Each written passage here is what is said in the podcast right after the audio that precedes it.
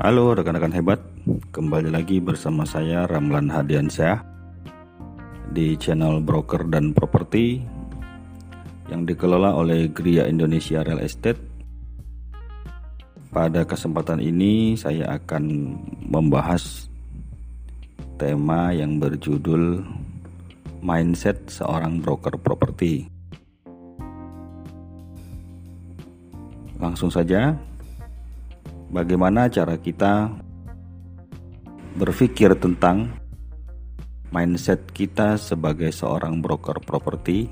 Mindset ini sangat penting sekali karena mindset ini adalah kerangka pikiran kita, kesadaran kita, cara berpikir kita supaya kita tidak salah dalam mengambil tindakan karena setiap orang memiliki mindsetnya masing-masing.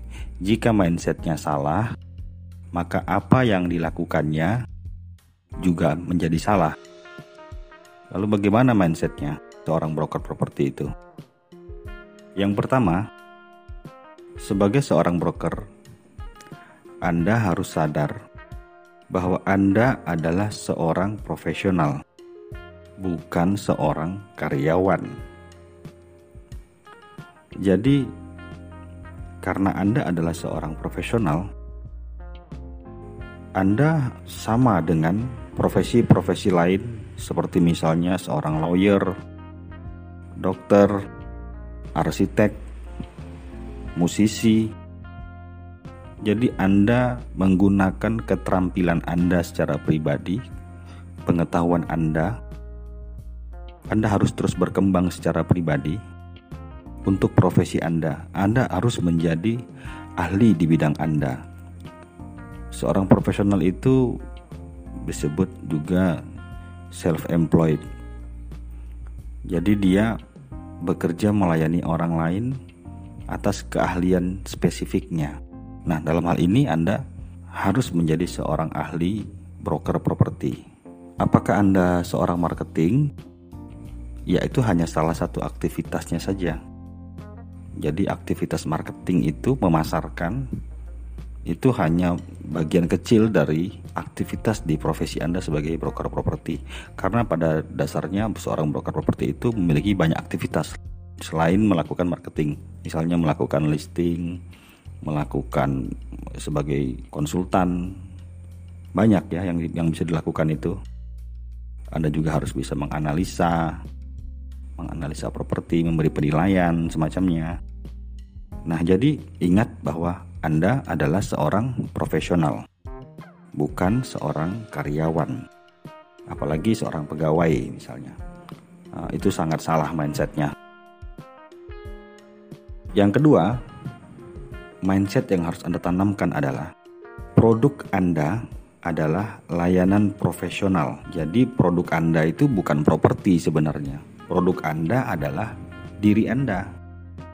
Sama seperti seorang dokter misalnya. Produknya seorang dokter itu bukan obat, tapi layanannya, kemampuannya menganalisa. Nah, begitu juga dengan Anda sebagai seorang broker. Jadi produk Anda adalah diri Anda. Semakin Anda mendapat kepercayaan banyak orang, semakin Anda berpeluang untuk sukses. Karena soal produk Anda yang memilih nantinya. Anda yang menentukan yang mana yang cocok untuk customer ini, produk yang mana, properti yang mana, Anda yang akan memilih. Jadi yang Anda lakukan meliputi hal-hal seperti konsultasi. Nah, itu produk Anda. Anda sebagai konsultan atau Anda melakukan penilaian sebagai appraisal misalnya, itu juga produk Anda. Nah, marketing itu hanya menjadi salah satu bagian dari layanan Anda karena memang Anda harus memasarkan produk tersebut, properti tersebut kepada calon uh, buyer misalnya. Nah, itu yang kedua ya. Lalu yang ketiga, sebagai seorang broker, Anda harus menjadi orang yang objektif, adil, melayani kedua belah pihak, baik itu penjual atau pemilik dan pihak yang membeli atau konsumen. Jadi Anda tidak boleh uh, berlaku berat sebelah Anda harus memahami bahwa jasa Anda ini berada di tengah-tengah. Anda harus dipercaya oleh kedua belah pihak, supaya di kemudian hari, baik dari sisi penjual maupun pembeli, bisa menggunakan layanan Anda lagi, seperti itu. Lalu, yang keempat, mindset yang harus Anda tanamkan adalah Anda harus bisa menjadi solusi atau memberi manfaat dengan penuh tanggung jawab. Nah, menjadi seorang broker itu bukan berarti uh, setelah mereka melakukan listing properti, memasang spanduk, lalu meninggalkan begitu saja. Tentu tidak.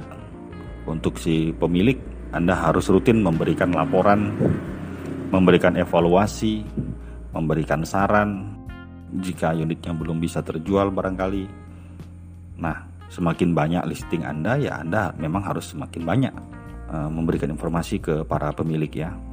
Bagaimana untuk para pembeli, konsumen? Ya, sama. Anda juga harus menjadi solusi.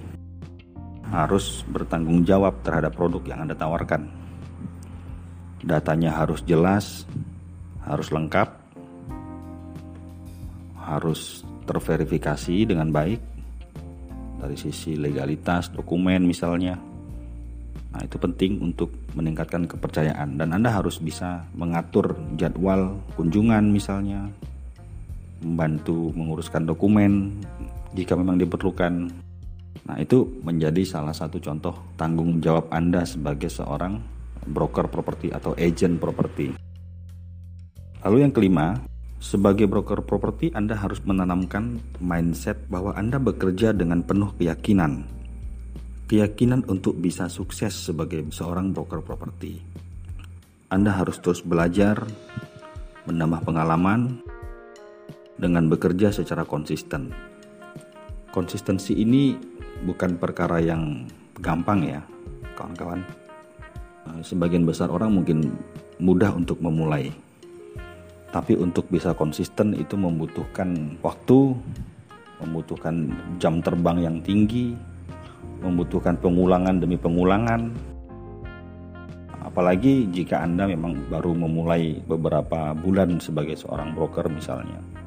Lalu di tengah jalan Anda kebingungan apalagi yang harus Anda lakukan. Anda jangan menyerah. Anda harus terus melakukan. Karena citra Anda harus terbangun anda belum cukup dikenal banyak orang sebagai seorang broker. Karena seorang broker itu memang harus dikenal sebagai seorang profesional. Karena kembali lagi ke poin nomor satu tadi, seorang profesional itu harus menjadi ahli dan untuk menjadi ahli, Anda harus sering melakukan hal itu. Misalnya Anda menjadi ahli uh, lukisan misalnya, Anda harus banyak melukis tentunya, ya kan? Anda harus misalnya Anda menjadi seorang arsitek, profesional arsitek misalnya. Ya Anda harus jam terbang Anda harus banyak juga kan? Harus banyak menggambar bangunan misalnya. Sama seperti profesi Anda sebagai seorang broker. Harus sering mengulang. Harus sering ketemu orang untuk dikenal banyak orang. Harus konsisten. Harus bersabar. Nah, itu memang menjadi kunci sukses. Nah, jadi memang tidak mudah untuk menjadi broker yang profesional karena mindset yang ditanamkan harus tegas. Saya harus menjadi seorang broker profesional. Saya adalah seorang profesional. Saya tidak boleh bermental tempe. Saya tidak boleh uh, mudah menyerah karena saya seorang profesional harus menjadi ahli di bidang ini. Nah, itu kelima poin yang barangkali bisa saya sampaikan Semoga materi ini bermanfaat untuk Anda dan semoga Anda bisa sukses menjalankan profesi Anda sebagai seorang broker. Itu saja materi hari ini. Semoga Anda sukses. Saatnya perubahan.